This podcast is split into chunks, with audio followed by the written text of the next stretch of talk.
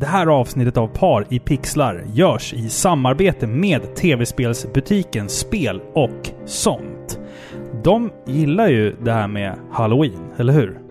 Ja, det kan man ju säga. Det, det är inte så att de knackar på utklädda till eh, varsitt monster, men de har ju en grej för godis, eller hur? De gillar såna här patrongodisar. Åh, så bäst alltså. Där har vi ju en godis som fräter bort gommen.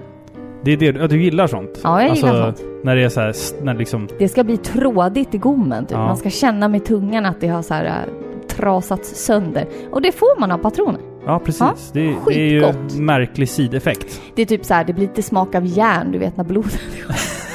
Du är mm. sjuk i huvudet idag. Ja, men i alla fall, spel och sånt. Alltså vad, är, vad har de med patroner att göra? Jo, alltså ibland när man beställer spel därifrån. Så vadå man, ibland? Varje gång? Varje gång vi beställer spel därifrån i alla fall, så får vi patroner. Jag vet inte, det kanske, det kanske gäller för alla. Det gäller fan. Om inte, så är det ju nu en uppmaning till spel och sånt. Att nu är det bäst för er att ni skickar ut patroner med alla som beställer spel från er. Så vi tycker ni ska, ni som lyssnar nu, ni ska få testa nu. Att beställa någonting från spel och sånt, så får vi se om ni får med godispatroner när ni beställer något. Robin, det är så. Är det en deal? Det är så. Ja, okej. Mm.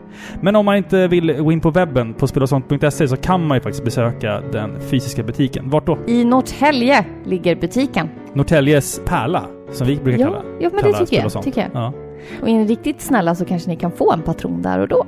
det vet man inte. En kopp kaffe kan de säkert Fråga Borka, han har säkert på. något Han att har bjuda något. på. Ja, tack så jättemycket. Tack!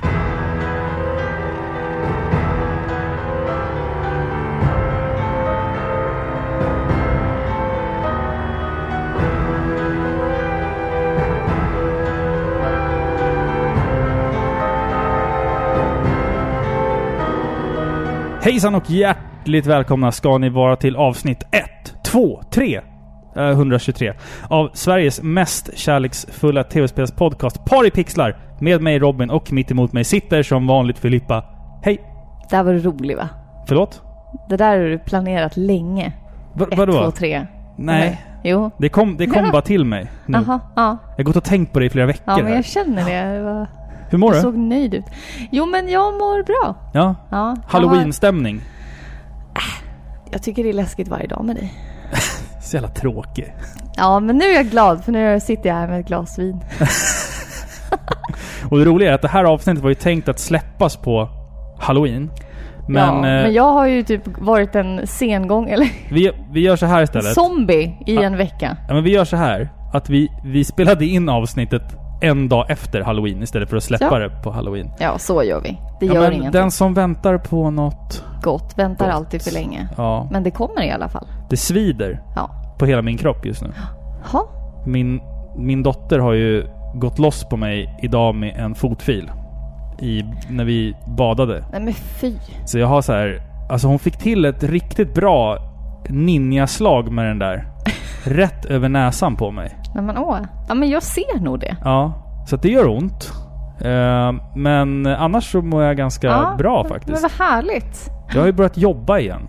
Liksom, ja, som- men som det en- har du gjort ett tag. Ja, men nu har jag börjat jobba på riktigt. Liksom efter min, Ja, idag. efter min dipp. Jag har jobbat en dag. Ja. Nästan, nästan en hel dag.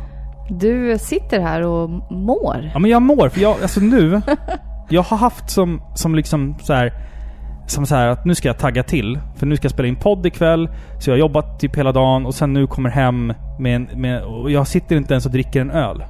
Nej, nu har Fattar det du, hänt någonting. fattar du hur nyttig jag känner mig? Jag sitter här Fast- och jag dricker inte en öl. Fast Jag dricker en stor jävla grogg istället. någonting har ändrats. Ja, jag har blivit renodlad alkoholist nu istället för... ja, men vad ja. härligt. Vad härligt att vi har gått Ja. den vägen då. Mm. jämna plågor som man säger. Ja, men visst. Mm. Men i det här avsnittet ska vi ju faktiskt prata om någonting som vi har pratat om Ja. tidigare. Ett återkommande och väldigt omtyckt tema, nämligen skräckfilm. Mm. Yes. Eh, och den här gången så har ju vi valt ut ett par titlar som vi tycker om. Eh, och vi tänkte prata om dem utan inbördes ordning. Mm, Kan exakt. man säga. Så det är liksom ingen topp tre, det är topp fem eller topp whatever. Utan vi har sett lite film och vi vill tipsa om de här filmerna. Helt enkelt. Alltså, det- det är- Både gamla och nya. Exakt. Och det är sju riktigt bra skräckfilmer. Eh, både som du sa då, gamla och, och nya. Men eh, Mm, vi... Man måste också säga så här. Ja, Genren skräck är jättebred. Det finns titlar som kanske definieras som thriller. Exakt. Mm. Eller psykologisk skräckfilm eller psykologisk thriller. Vissa är slasherfilmer, Mm. vissa är bla bla. Eh, vi har valt de filmerna vi vill. Exakt. Och alltså, det finns ju inget ämne som är så brett Och så svårt och så svårt. Att, att definiera som skräckfilm. För att det finns säkert två filmer minst på våran lista som jag tror många lyssnare inte ens skulle definiera som skräckfilm. Det är mycket möjligt. Faktiskt. Mm. Och det är ju så brett och det handlar ju så mycket om vad det är man själv blir skrämd eller tycker är obehagligt. Ja. Som, som liksom definierar om man i slutändan tycker att en skräckfilm var bra eller dålig. Det är ju faktiskt Ja. så. Nej men absolut. Så, så ni vet att så att ni inte sitter där hemma eller var ni nu än är och tänker att Åh, det där är faktiskt en thriller. Och den där är ju faktiskt inte ens läskig. Nej, utan det här är våra åsikter helt enkelt. Exakt, så vi Ja. reserverar oss för eh, eventuellt hat emot oss. Jag, jag, jag tror att det ska gå bra. Vi har fått en, ett litet mail Filippa. Ja, Eh, det är Mikael. Som han skriver så här till oss. Jag skulle vilja fråga er om vad ni hade för värsta mardröm när ni var små. Och om ni hade något ställe som alla pratade om när man var liten. Att just där var det spöken, eller hemsökt, eller något farligt. Vi visste en gård när vi var små som alla pratade om och att den var hemsökt. Och att det fanns ett hål i golvet fullt med vatten. Och det var så djupt läskigt. att man inte visste vart man skulle hamna om man trillade ner. Ha, vad har du haft för läskig dröm då? Alltså, vad är din läskigaste? Har du någon sån dröm ja som men du minns? han ville väl veta typ så från när vi var små. Ja. Ja, men då, då kunde jag drömma en dröm, en återkommande dröm faktiskt. Att på gården där jag bodde Mm. Så fanns det ett stort eh, berg som vi kallade Myrberget. Och sen i sluttningen där så, så var det en skog, en liten skogsdunge kan man säga. Och då drömde jag ofta att mellan berget och skogsdungen så var det som att det öppnades upp Mm. en annan väg ut på en åker. Okej. Och där gick jag in och jag blev alltid jagad av en man där. Mhm. Jämt. Jätteläskigt. Ja. Ja. Hade du det då? Eh, Någon alltså, återkommande? Nej, inte, inte som jag kan minnas faktiskt. Tråkigt Nej. svar. Men jag, alltså, som jag sa tidigare, jag drömmer så sällan. Och jag minns typ aldrig drömmar. Och speciellt inte från barndomen. Nej, det är svårt. Direkt. Mm. Men någon plats då? Hade du någon plats när du var liten? Alltså jag kan komma på många, men det fanns säkert någon som betydde mer än en annan. Men jag vet att ofta om vi åkte förbi något ställe så sa mamma liksom att det där huset, där sa de alltid att det spökade i eller Mm. någonting. Det finns flera sådana hus här i Nynäs, Mm. där vi bor. Eh, att de sa. Och sen eh, på Gotland såklart finns det ju flera sådana ställen. Mm. Där det påstås spöka. Jag såg ett spöke en gång på Gotland faktiskt. Och vad heter det, jag och min mamma var ju i Glimmingehus. Mm. Finns det ett, eh, det är ett gammalt torp eller gammalt slott. Ungefär som man kan besöka i Småland tror jag det ligger. Småland eller Skåne. Eh, och där säger Samma sak. det, du säger inte det, vi har många lyssnare som skulle beg to differ. Där i alla fall så, så spökar det då. Då är det då... Det är nog sant. Inte att det spökar, men historien bakom är sann. En man som murade in sin egen dotter. För Ja, att just det. hon eh, drabbades av pesten. Mm. Alltså jag kommer inte ihåg det här exakt nu då. Men i alla fall så, så tar ju folk foton där utanför och det händer en massa mystiska saker och nyckeln, eller dörren låses upp varje natt och sånt där. Det är en massa, massa, massa historier Mm. kring det där stället. Jag tror inte på det men eh, ja, Nej. folk har sina historier. Spännande. Har du något sånt då? Nej, alltså jag, jag var ju livrädd för min farfars källare. Eh, Ja, jo. När jag var liten. Eh, där vågade jag mig aldrig ner riktigt. Eh, han bodde på Gotland. Och eh, sen fick jag reda på att när han dog sen så det, det som jag hade varit rädd för där nere, det var ju ett ljud. Det var väldigt mörkt och stort. Och sen så var det ett ljud där nere som jag aldrig kunde släppa. Som jag nog säkert drömde om och liksom tänkte mycket på och var rädd för. Sen när farfar gick bort så fick jag reda på att det, han hade en hembränningsmaskin där nere. det, Typiskt gotlänningar. det var den jag gick och var rädd för i alla år. Nämen, ja. men så är det. Mm. Nej, men så kan det gå. Eh, Men ingen sån där plats direkt som jag kan tänka på så faktiskt. Som jag var liksom livrädd för. Ingen sådär. lokal plats på det sättet. Nej, det finns ju Nej. många eh, så här öde ruiner på, eh, på Gotland som, som, som jag tyckte var Det läskiga. är väldigt mycket sånt på Gotland. Ja, precis. Gotland är ju små verkligen... onda jordi. De små onda jordi. Ja, det där precis. var ja, Ja. fula uttryck av oss. Ja. Fult. Men de små som bor under jorden, Ja. som man tror på på Gotland. Ja, Att de finns på ja riktigt. exakt. Trollen. Ja, men hörru du. Ska vi lyssna på lite musik innan vi börjar prata film? Vi har ju fått äran att ha fått ta del av ett eh, stycke av David Westerlund. Ja, Han har alltså specialskrivit ett stycke musik till det här avsnittet enbart. Fantastiskt. för att komma i stämning. Men berätta, vem är han för den enfaldige som inte vet? David Westerlund har ju alltså varit... Han, han har en lång meritlista bakom Ja, sig. gud. Men inom våra kretsar så är ju han känd för att ha arrangerat musiken till Castlevania-konserterna. Exakt. Och Han många... är den ledande driften i de eh, konserterna. Och många eh, alltså spelrelaterade konserter överlag. Vi Ja. snackar både liksom blandat eh, spe, spel, spelkonserter och sånt där. Men även Final Fantasy-konserterna har ju han varit en stor del av. Eh, fantastisk musiker ja. och kompositör, pianist. Alltså den här killen. Om man någon gång ska liksom hyra in en pianist till sitt bröllop så är, han är så är det David man ska ringa. Eh, så vi länkar till hans eh, YouTube-kanal på videospelsklubben.se. Där har han hur mycket som helst och jag pratar med honom och det kommer dyka upp rätt mycket eh, coola grejer där. Mm. Framöver. Jag får inte säga vad det är, men jag vet vad det är, men jag får inte säga. Eh, så gå in där och eh, lyssna på hans fantastiska musik. Nu ska vi lyssna på stycket som han har skrivit till vårat skräckavsnitt. Så håll i er.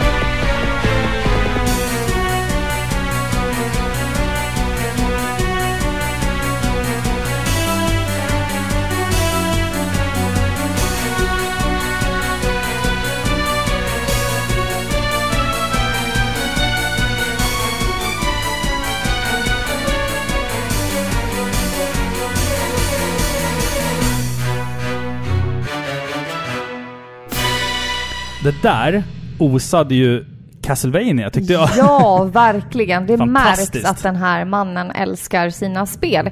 Och även om inte vi ska snacka spel just i det här avsnittet så Mm. älskar jag den här stämningen man får. Mm. Nu verkligen blir man lite illa till mods. Nu ska vi snacka blod och gore och läskiga saker, eller hur? Exakt, exakt. Tack David för, eh, för låten. Ja, tusen tack. Verkligen. Vi är ärade. Men Filippa, vad sa skelettet när han beställde en öl i baren? En öl och en disktrasa tack. Så jävla dåligt.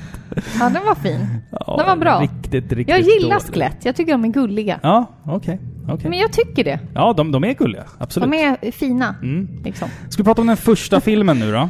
Och som vanligt så kommer vi inte att spoila allt för mycket av filmerna, för vi vill ju faktiskt att ni ska se dem. Ja. Okej, och det är, en, det är en film från... Jag vet inte vilka du har valt. Nej, och jag vet inte vil, exakt vilka du har valt heller. Jag tror du vet vilka jag har Ja, valt. ja det blir spännande. Ja, Men den första filmen vi ska prata om är Ja. i alla fall en film från 1992 i regi av Bernard Rose. Då vet jag. Baserad på boken The Forbidden av Clive Barker. Ooh. Filmen heter Candyman. Det har ingenting med godis att göra. Nej, Tyvärr. det trodde jag först. I 90-talets värsta slumområden kan ingen höra dig skrika. En psykologisk skräckfilm som ställer frågan vad som egentligen är läskigast. Folksägnen eller dina egna fördomar. Fint. Ja, Fint, tycker Fin jag. inledning, ja. ja. ja. Ska jag läsa lite om handlingen då? Helen är en nyexaminerad student som under sina sociologiska studier, alltså hon pluggar till att bli sociolog. Jag vet inte ens vad det är. Hon pluggar i alla fall och eh, då stöter på den lokala myten om Candyman. Människor hittas brutalt mördade. Och Är det denna- bara jag som tänker på Christina Aguilera? Ja, just det. Ja. Och Och du kan texten, såklart. Eh, människor hittar... Han Men, har en liten sjömanskostym på sig. Det är, det är Håkan Hellström! Jag skojar. Håkan Hellström är i och för sig jävligt obehaglig typ, ja, faktiskt. fy. I alla fall, Ah, människor hittas brutalt mördade och denna märkliga hörsägnen sprider sig som en löpeld genom de fattiga områdena i Chicagos många förorter och miljonprojekt. Människorna som lever i utkanten av samhället vittnar om en lång, svart man med en krok till hand. Som bara uppenbarar sig om du säger hans namn fem gånger framför spegeln. Helen intresserar sig mer och mer för denna urbana myt och utmanar ödet när hennes nyfikenhet driver henne till att besöka mordplatserna i hemlighet. Några dagar senare står hon framför sin egen spegel i lägenheten som ligger i Chicagos finare delar. Hon säger Candymans namn fem gånger framför spegeln och inser ganska snabbt att det inte bara var i förorterna som det spökar. Eh, alltså det här är ju en otroligt underskattad och bortglömd film, tycker jag. För att när man pratar om 90-tals skräckisar så tycker jag fan aldrig att Candyman kommer på tal. Nej, jag hade ju inte sett den här förrän du eh, Visade dig. visade mig den här Ja. filmen. Alltså, den är sjukt bra. För att Underskattad. Alltså, vi, vi säger så här. Vi är ju så vana vid det här läskiga, hemsökta hus i skogen. Här befinner vi oss liksom i typ ett klassiskt eh, getto, om, om man får säga så. Eh, det är en film som är oerhört alltså, obehaglig på många sätt. Den, den är ju blodig och våldsam, men det som verkligen ger mig liksom rysningarna, det är den här långsamma och utdragna spänningen som hela tiden ligger tät. För det dröjer ju faktiskt, alltså typ 40-45 minuter in i filmen innan vi faktiskt får bevittna Candyman för första gången. Och varje minut fram tills dess är ju alltså spännande och har en sån sjukt tät atmosfär. Ja, alltså jag tycker att han i Mm. sig inte ser så hotfull ut. Nej. Eh, alltså han är inte en läskig clown eller Men som är alldeles blod. Han har jättemörk och dov röst. Ja. Men också alltså scenerna, Mm. Eh, och filmens sätt att presentera dem. Det här långsamma att man bara får se, för den är så otroligt blodig den här filmen. Ja, verkligen. Eh, det gör att man bara ryser. Mm. Förstår du? Att han dyker upp var som helst och det är liksom inte ett knäpp som han dödade utan det är slakt. Verkligen. Ja, ja absolut, absolut. Den innehåller ju liksom många olika lager av det som jag tycker är obehagligt att, att se på, på film. Eh, och filmen lämnar ju dig till slut med frågan om vad som egentligen är verklighet. Alltså, den, den skruvar sig, den här handlingen. Så att man vet inte riktigt Är det bara i huvudet? är det, liksom, bara, alltså det, eller? det, Ja. det är den typen av film. För det är den här psykologiska skräcken också. Inte bara det här splatter, att han dyker upp och, och använder sin krok på folk utan Det är inte det den här även- uppenbara faran bara, utan man vet liksom inte. Nej men exakt. Den har lite som, som eh, samma element som den här Jacob's Ladder som vi pratade om eh, i förra skräckfilmsavsnittet. Min favoritskräckfilm of all time. Den har liksom många så liknande saker. Den är ju typ från samma era också, Ja. tidigt 90-tal. Eh, så att den, den, alltså den här filmen är verkligen... Den är obehaglig som fan. Och, och Tony Todd som gör en fantastisk insats som Candyman. Den här liksom mörka, långa mannen med den här riktigt så här fylliga rösten. Som gör Ja. att du liksom ekar i ditt det där var huvud. inte i närheten. Nej, men han är, han är, han är så jävla obehaglig ja, alltså. faktiskt. Och Väldigt, det, väldigt det är ju inte ofta, jag tänkte på det också, nu när vi såg den här filmen. Så här, hur många skräckfilmer kan du där du har en, en, en svart man som är liksom antagonisten? Nej, det är väldigt ovanligt. Jag kan inte tänka på en enda film. Nej, jag kan inte Faktiskt. heller... Inte, inte, i, inte i den genren liksom. Ja. Eh, nej men jag, jag tycker att det är jättebra för att han i sig är inte läskig tycker jag utan det är mer det han åstadkommer. Mm, exakt. Eh, själva stämningen och speciellt då morden är ju fruktansvärt läskiga. Och, Exakt. ja, den här psykologiska terrorn. Ja. Men som sagt också miljöerna är roliga. Eller alltså, mer in, inte Ja, är roliga men mer, roliga. mer, mer intressanta. Alltså när Ja, du har... absolut. Normalvis är det oftast den här jävla liksom, stugan i skogen, någonting händer där eller liksom... Men här är du liksom hela tiden omringad av... Av ett... ett eh, av fattiga människor. Alltså Ja, de är liksom... fattigdom. Fattigdomen Den är, liksom den är grunden. Ju, den är ju lite politisk på det sättet. Absolut, absolut. Den är ju inte så... Det är ju inte en sån film som grottar ner sig i eh, Candymans... eh, Ska man säga godisman? Godismannen ja. ja. Ska vi säga det på svenska? Det är ingen film som grottar ner sig i godismannens historia. Nej det är det inte. Det är det inte och jag uppskattar det. Man får bara liksom en, eh, en liten glimt, Mm. heter det på svenska, av vad som kan ha hänt. Mm. Att man ser att han är en, att han har varit en människa Mm, som har exakt. blivit felaktigt eh, behandlad på Mm. grund av sin hudfärg. Och det temat finns liksom alltid med, även om det liksom inte utforskas helt och fullt. Nej Men jag exakt, uppskattar, exakt. Mm. uppskattar ändå det. Mm. Liksom. Men eh, så den första filmen som vi rekommenderar är ju från 1992. Candyman. I came for you, Do I know you? but you doubted me. I'm sorry, I have to go. No need to leave yet. You are not content with the stories, so I was obliged to come. Nästa film. Ja, jag tänkte faktiskt fortsätta på Clive Barker-temat. Jaså, jaså? Ja. Mhm. Eh, det här är en film som heter Midnight Meat Train. Mm. Och den är från 2008. Det är eh, Ryohei Kitamura. Hej! Ryo Hej! Kitamura. Ryohei Kitamura. Som har regisserat. Och den här är alltså baserad på en novell av Clive Barker. Som då är, för er som inte vet, författaren bakom böcker slash filmer be- beroende på vad ni har Spel. sett det. Spel också. Eh, så som Hellraiser till exempel. Vi får i alla fall möta Bradley Cooper i rollen som den våghalsiga fotografen Leon. Han jagar efter drömmen att bli proffsfotograf och han tar sig därför större risker än han klarar av. Och mot sin flickväns bättre råd så beger han sig ner i tunnelbanan på natten för att liksom lyckas fota New Yorks nattliv. Där så blir han vittne till ett överfall av en ung kvinna. Han lyckas få männen att ge sig av och han tar ett sista foto av kvinnan som försvinner bort på det allra sista nattåget. Morgonen efter läser han om hur den unga kvinnan är spårlöst försvunnen och han börjar leta bland fotografierna han tog natten innan. Det han hittar är spåren av en blodig mördare som härjar under tunnelbanorna i New York och han bestämmer sig för att hitta svaren själv. Jag kan inte säga mer. Nej, Då det får, det kommer får du jag inte ju, göra. jag får inte säga mer, Nej, men nej. det är så mycket mer till Ja. den här filmen än bara det här.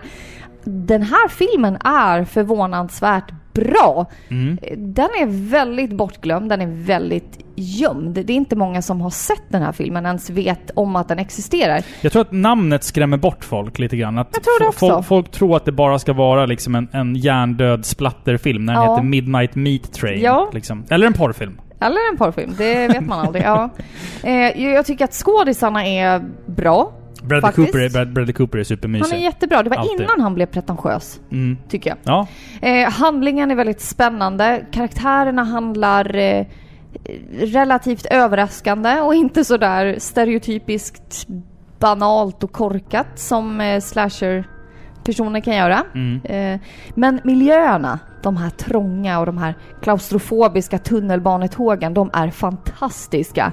Och jag tycker speciellt om hur det här, eh, det här kliniskt vita, det här blåa nattskenet och de här eh, lamporna som susar förbi när tåget liksom åker snabbt Mm, förbi. mm. I kontrast då till det här blodet. Det Mm. blir så väldans häftigt och man känner verkligen av filmens tryckta stämning. Mm. Den är väldigt obehaglig den här. Blodet är ju verkligen så här knallrött i den här Ja. filmen. Och det blandas ju med, som, som du sa, med det här blåa kromstålet som tunnelbanevagnarna innehåller i, Ja, i typ exakt. centrala New York. Liksom. Precis, så det är ganska snyggt tycker jag. Jag Ja, gillar och det, det är det som också som jag, som jag tänkte på när jag såg den här filmen. Eh, det är typ, alltså kameraarbetet borde ju tekniskt sett vara begränsad i de här scenerna som befinner sig på tunnelbanevagnarna. Men man har använt sig av coola kameravinklar som ibland liksom tar sig ut utanför tågvagnen och sen in igen. Alltså det är väldigt så här snyggt. Det är snyggt. eh, vad säger man? Snyggt foto i filmen. Väldigt, liksom. väldigt snyggt foto om Mm. en film som handlar om foto. Exakt. Slutet är måhända inte min favorit, men det är väldigt, väldigt oväntat och ändå bra på det sättet att man inte får se för mycket. Mm, mm. De som vet, de vet vad jag menar. Liksom. Men överlag, överraskande bra tycker jag. Den är väldigt obehaglig. Mycket bra splattereffekter tycker jag. Bortsett från en och annan överentusiastisk 3D-effekt. Ja, 3D-effekterna är ju inte så superbra. Nej. Det, det, finns, det finns liksom två scener där jag tycker att det är dåligt. Alltså Ja. det är fult. Ja, absolut. Men det, jag tycker inte man tappar fokus från filmen på det. För att det finns så många andra våldsamma scener som är så... så Som är bra splatter. snyggt. Ja, bra, bra splatter. Väldigt My, bra. Mycket blod och... och Jätteblodig. ja, den är verkligen väldigt blodig. Men, men eh, så att jag, jag tycker att rent visuellt så är den ju underhållande. Alltså om man, om man egentligen skiter i storyn så är det mycket, det är mycket vackert foto. Fast jag Det- gillar storyn. Ja, det gör jag också, men jag säger att det det. kanske inte är alla som gör det. Men att man ändå kan se klart den för att det är så vackert foto i filmen. Och, Absolut. och så här snygga filter och, och... Jag gillar ju, utan att spoila nu, men jag gillar den här filmens andra akt. Om man säger att den här filmen har tre akter. Början, och sen har vi liksom problemet och sen så har vi lösningen då. Du gillar problemet. Problemet, eh, den akten är... Det är mer som en thriller än en skräckfilm. Ja, exakt. den gillar jag, Detektivarbetet. Exakt. Den är nästan det bästa i hela filmen. Ja, det är så absolut. spännande hela tiden Ja. alltså. Och man märker jättes- att hur, hur då det onda har liksom övertaget mot det goda Jag hela vet, tiden. de känns nästan eh, övermänskliga för att de vet alltid var du är lite så. Ja men det goda fattar inte det. Mm. Nej. Utan han tror att han är någonting på spåret när det är Ja. han själv som är bevakad. Som är bytet. Exakt. Som blir ledd någonstans. Ja, jag tycker den är jättebra och jag tycker att ändå att karaktärerna agerar på ett väldigt spännande sätt och Mm. inte... De gör inte dumma saker för att de är korkade. Du? karaktären agerar mänskligt på något sätt. Ja, mänskligt och just för den här personen då, Leon, han har ju en eh, flickvän också. Mm. Och hon, är, hon tjänar inte bara som... Alltså många gånger, man har en protagonist som ska utforska eller liksom möta äventyret på något Mm, sätt. mm. Sen kan denne ha en partner eller en kompis eller en sidekick av något slag som ska agera som åhörarnas känslor. Ja, exakt. En likare. En likare. Mm. Den ska säga det som vi tycker. Det som vi undrar. Åh nej, gå inte ner dit. Och nej, varför gör du så för? Kom Mm. Exakt. hit, bla bla bla. Eh, ibland så blir det liksom väldigt svartvitt att den likaren då eh, bara liksom bara klagar. Gör inte så, gör inte så, bla bla bla. Men i den här filmen är hon involverad. Och det uppskattar jag väldigt mycket. Det blir oväntat och det, Mm. det blir inte som andra splatterfilmer där allt är så här super förutsägbart utan Nej men det, det är spännande. Jag tycker Mm. den här är jättebra den här filmen. Vinnie Jones är ju faktiskt fantastisk i Och den här filmen också. skitobehaglig. Åh! Shit. Ja, faktiskt. Han säger ju inte så mycket på sin... Han, han, han har ju en väldigt Ja. charmig så här, cockney-engelska, men han säger ju inte så mycket i den här Det filmen. hade inte varit så läskigt om han hade pratat cockney. Nej, tycker jag. Det Oj, kanske var därför. twat! Ja, men typ. Oj! Oj! Varför Ja. säger man det i, i så här, i typ... Varför säger man oj? Ja, varför? Varför inte? You twat. Twat. Jag vill bara säga lite kuriosa om den här filmen också. Som kommer sänka betyget. Eh, Nja, Kanske. Kanske. Jo. Personen som är regissör till den här filmen har ju även regisserat cutscenesen i tv-spelet Metal Gear Solid Twin Snakes. Aj, aj, aj! Där cutscenesen är väldigt kritiserade för Ja. sitt överdrivna action... ja, men tänk inte på det nu. Nej. Nej, okej. för titta på Midnight Meat Train. Jag vill bara knyta in det här. Ja. Midnight Meat Train. Ja, se den. Look at this. I was there the night that it happened. She got abducted. This is the train she went in on. That's his hand. You know how I know it? Because I took another photograph earlier of him going down into the subway, the same subway. I totally got him. Look, that's him. This is the guy, my. It's been happening. It- There's been abductions. It's happened before. I don't know if it's a copycat, but it's him, and I got him. This is not what's going on, okay? This is all fake, okay? It's not. No more. No more night shoots. Hur vet man att en tupp är dum i huvudet? Jag menar. Den har låg kuckel-IQ.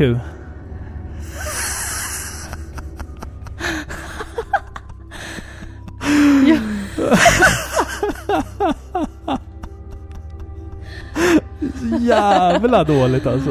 Nej men den var bra. Ja. Ja, herregud. Jag tänker bara på vår jag måste, jag måste, te- jag måste ta en klunk här. Vadå, vadå, vadå teckning? Ja, men vår son har ju tecknat en bok eller en serietidning och då ska han illustrera hur sin karaktär vaknar. Då har han ritat en tupp som säger QQ. Just det. det är ju gulligt! Det står bara kuk, kuk står det liksom. Ja, herregud. Q, om jag får be. Vad ska det bli av honom? Ja, Om han lyssnar på det här om gulligt. 15 år så kommer han bara sitta och garva åt det här, hoppas jag. Jag har aldrig känt er, kommer han säga. Vi ska prata skräckfilm igen. Ja, Nu. och nu är det din tur att uh, snacka. Ja, nästa film vi ska prata om är en film ifrån 2004 och jag vet att många inte gillar den här filmen, men hear me out. För jag tror att det är väldigt många som inte har sett den här filmen. Vi ska prata om filmen Saw. Den första filmen i Saw-serien då. Regisserad av James Wan. Och eh, som sagt, jag tror att väldigt många tycker att det här är en dålig film fast de inte ens har sett den. För att de kanske har sett Saw 2, eller 3, eller 4, eller 5, eller, Eller 6. har man glömt bort den och bara förknippar den med den här över ultra våldsamma skitfilmerna? Ja, för att alltså Saw 1 skiljer sig väldigt mycket från de andra filmerna i serien. Japp, de har typ gått ifrån sitt eget koncept som de startade med ettan. Exakt, exakt. Men vi kan dra lite story då. Två män vaknar upp på varsin sida av ett stort, övergivet och väldigt skitigt badrum. Runt sina ben sitter varsin tjock kedja som hindrar dem från att röra sig mer än någon meter från där de vaknar upp. Den ena är en välbetald och känd kirurg och den andra är en fattig fotograf. I mitten av rummet och utom räckhåll för någon av dem så ligger en man, död i sitt eget blod. Han har ett skotthål i huvudet och har i händerna en revolver och en portabel bandspelare. När dessa två män motvilligt börjar samarbeta med varandra så lyckas de till slut få tag på bandspelaren. På bandet hörs en röst som säger att de har fram till klockan sex på sig. För då måste någon av personerna i rummet vara död för att den andra ska få leva. Under dessa dramatiska timmar som dessa personer tillbringar med varandra så utspelar sig en helt annan berättelse utanför det här låsta badrummet. Där två polisagenter jagar en galen mördare som finner nöje i att plåga sina offer med olika typer av fällor och lekar. Hur alla dessa trådar flätar samman tror jag inte en enda tittare kan lista ut på förhand. Och det är det här som skiljer de andra filmerna från den här filmen. För att det här är ingen film som handlar om att det är en människa som vaknar upp i en cell och sen på något bisarrt sätt ska denna personen liksom ta sig fri. Att han måste knivhugga någon i magen för att få ut en nyckel. Eller så har han nyckeln i sitt... Det är någon film där ehm, en kille är fastkedjad och nyckeln sitter inopererat i hans eget öga. Alltså, Det är så långsökt, eller det, det, det är brutalt bara för att. Exakt. Men denna film, alltså först av allt, som jag sa då, den skiljer sig jättemycket från de andra filmerna i serien. Och här är det nödvändigtvis inte våldet som är i fokus. Även om det förekommer så tar den aldrig första sätet i den här filmen. Det, det är istället en spännande och väldigt skräckinjagande thriller, typ. Ja, men vem har satt dem där? Det är liksom mysteriet, det är gåtan bakom det som gör filmen läskig. Exakt, för här har du faktiskt karaktärerna och händelserna i centrum och inte liksom nödvändigtvis det här liksom Mördaren. våldet. Ja, Mördaren eller att liksom någon är instängd någonstans och ska göra någonting brutalt för att ta sig ut. I Liksom. de senare filmerna så är ju karaktärerna bara eh, alltså boskap. Pjäser. De är bara där för att bli dödade. Du, sympa- ja. du sympatiserar inte med någon av dem. Du väntar bara på att de ska slaktas. Mm, mm. Eh, och den enda karaktären som är liksom viktig är mördaren själv. Mm. Medan i den här filmen så bryr du dig om karaktären. Du vill inte att de ska dö. Nej, du, du precis. sympatiserar med dem. Du, du vet att de har familj, man får se vad som pågår Mm. eh, långt innan att de blir inlåsta. Man får se vad som pågår liksom medan de är inlåsta. Mm.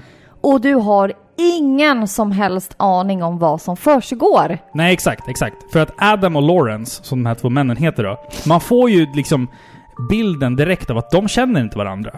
Men någonstans när de börjar prata så inser de ju liksom att de känner kanske visst till varandra Eller på de, något... har, de knyts samman Ja. på något sätt och det är kanske det som är ledtråden. Precis. För det, det, det som jag gillar med den här filmen också, det är att vi har egentligen tre separata eh, stories som går samtidigt parallellt med varandra. Och man sitter hela tiden bara, hur fan ska de kunna knyta ihop det här och få det liksom logiskt i slutet? Och typ, vem är huvudpersonen? Och vem är huvudpersonen? Vem är mördaren? Och när den sista scenen i den här filmen kommer, Mm. det är en av de största mindfucksen i en film Oh ja. någonsin alltså. Större än eh, Sjätte sinnet. Ja, den, den, är ju, i- ja, men den är i den kalibern. Ja, Alltså, ja, absolut. För jag minns när jag såg den här filmen och jag hade liksom tittat på den i en timme och 20 minuter och jag kände så här att nu är den typ slut. Nu känner jag liksom att crescendot kommer i den här filmen. Och så bara, men hur fan, hur fan hänger allting ihop? Och sen sista scenen, jag bara what the fuck! Ja. Alltså verkligen så här. Det här, Ja. shit vad smart. Jag hade fan ingen Nej. aning om det här alltså. Nej men det är asballt. Det jag uppskattar med de här filmerna är ju att den här mördaren, Mm. eh, och det, det, det är det här konceptet som skapades som var så genialiskt, som sen då eh, gick om intet i de senare filmerna. Mm. Det är ju att mördaren egentligen aldrig mördar någon. Nej, exakt. Exakt. Det var det konceptet som lades i, det var liksom grunden som Mm. lades. Eh, han placerar egentligen bara människor. Okej, han gör sig skyldig till eh, kidnappning. Kidnappning, kan man ja. säga. Mm. Eh, han placerar människor i ett rum, men sen egentligen så dödar de sig själva när de försöker ta sig ut. Exakt, exakt. Det är aldrig han som eh, håller i kniven eller det är aldrig han som trycker av en pistol mot någon. Liksom, nej, utan nej. de dör för att de måste visa hur gärna de vill leva. Exakt. Och då måste de kanske ta sig igenom en vägg av taggtråd. Mm. Risken finns att de förblöder på vägen ut men ah, vad har du att förlora? Stannar du kvar så dör du. Det är Jo, men liksom exakt. det. Exakt. Och det är den karaktären som är så, eh, som är så intressant. Mm. Och det gick om intet i de senare filmerna. Eh, Alltså Jag- tvåan, så två är okej. Ah, jag Men resten, resten är ju bara liksom... jag såg någon Slaktfest. 3D, Sart 3D Ja.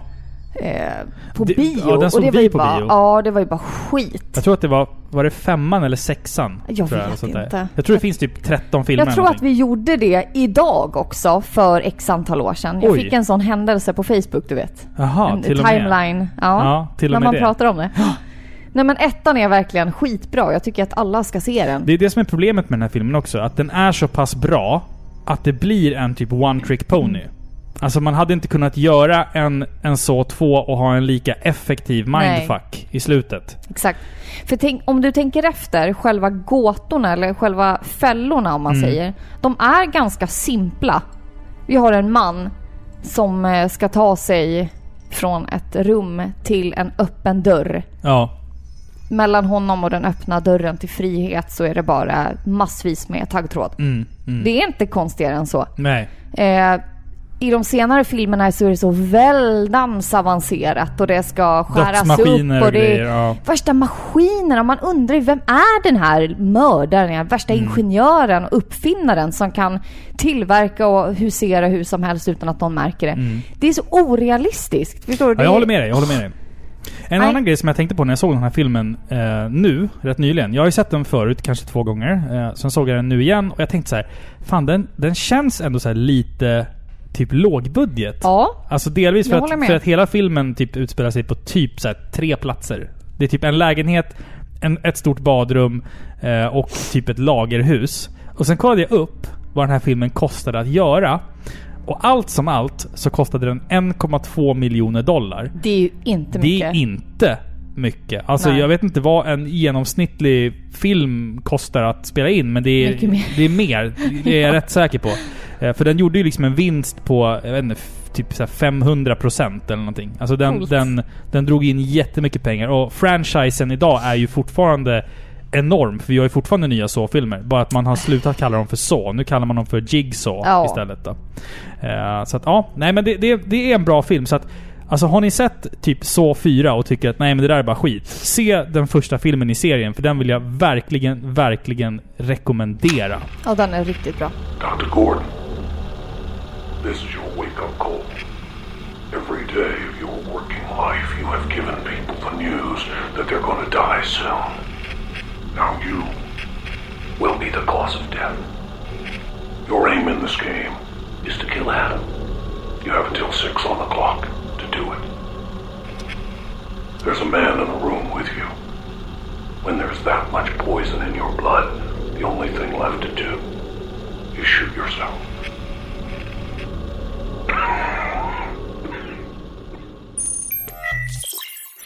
Det här avsnittet av Par i pixlar görs i samarbete med arkadspelstillverkaren Arcade Dreams.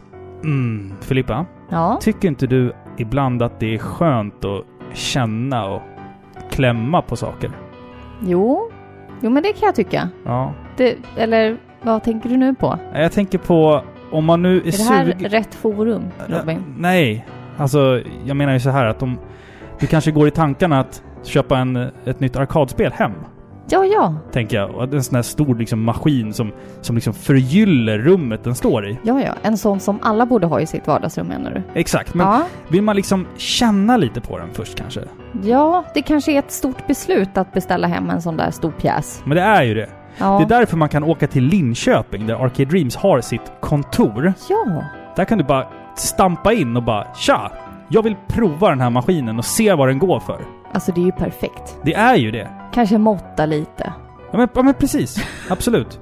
Och känna och klämma lite som, som kvinnor brukar gilla att göra i klädaffärer som, Ja. jag, pratade om, som jag pratade om tidigare. Känna liksom så här mellan fingrarna och tummen så.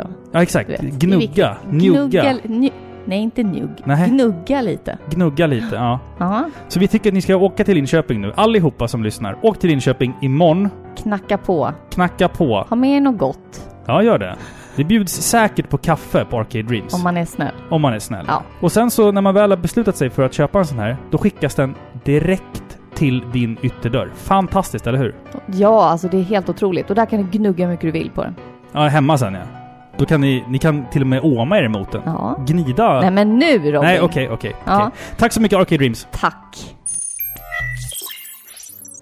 Då är det dags för min andra film. Mm. Jag har valt en... Eh, ja, väldigt lustig film. Kan Mm. man säga. Kontroversiell. Ja, jag vet inte. Jag, jag hoppas att folk vill ge det här en chans. Mm. Eh, den är väldigt, väldigt obehaglig. Filmen jag har valt att prata om är, svårt att uttala, Hereditary. Ja, den Ja. är... Just det. Just det. Mm. Den släpptes 2018 och det är Ari Asters första långfilmsdebut. Det här är en väldigt, väldigt makaber och märklig dramafilm och thriller. Jag vet inte vad man ska klassa den här som. Den här, ja, jag vet inte. Den är obehaglig i alla fall. Den är väldigt, väldigt obehaglig. Den här, alltså jag varnar för sista delen av filmen för jag tycker den här är obehaglig. Ja. Den är ja. väldigt obehaglig. Vad handlar den om? Vi får följa Annie spelad av Toni Collette. Hon är en nervös och hårt arbetande tvåbarnsmamma.